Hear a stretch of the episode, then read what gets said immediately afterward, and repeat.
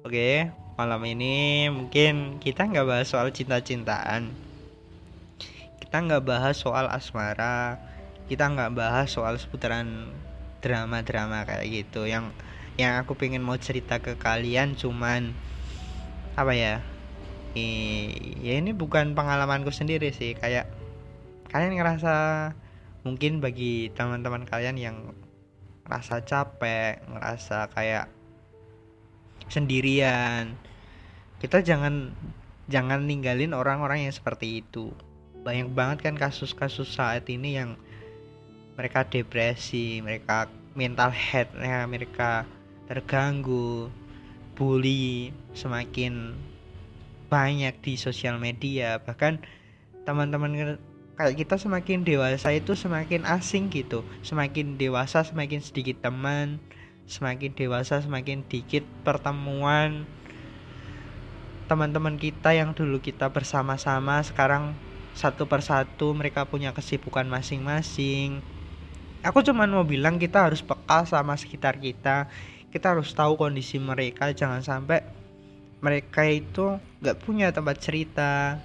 Mereka itu mendam semuanya mendem permasalahan sendiri mendem apa ya memendam konflik mereka sendiri. Jadi coba mulai saat ini mulai malam ini teman-teman lihat sekeliling teman-teman. Apakah ada toh teman-teman dari kalian yang mungkin ngerasa kayak mereka itu sendiri ngerasa kayak mereka nggak punya teman? Coba deketin coba diajak ngobrol coba diajak komunikasi. Karena semakin kita dewasa kita harus punya bercerita gitu. Kita harus apa ya setidaknya kita bisa ngobrol. Ya walaupun kadang kita hanya perlu didengarkan. Nggak butuh solusi sih sebenarnya. Cuman kita butuh didengarkan agar ya bisa cerita aja. Ya walaupun buat teman-teman yang merasa kayak sendiri nggak ada tempat cerita kita harus yakin kita masih punya Tuhan kita masih punya Allah tempat segala cerita tempat segala keluh kesah yang harus kita ceritakan. Jangan sampai kita berharap selain kepadanya.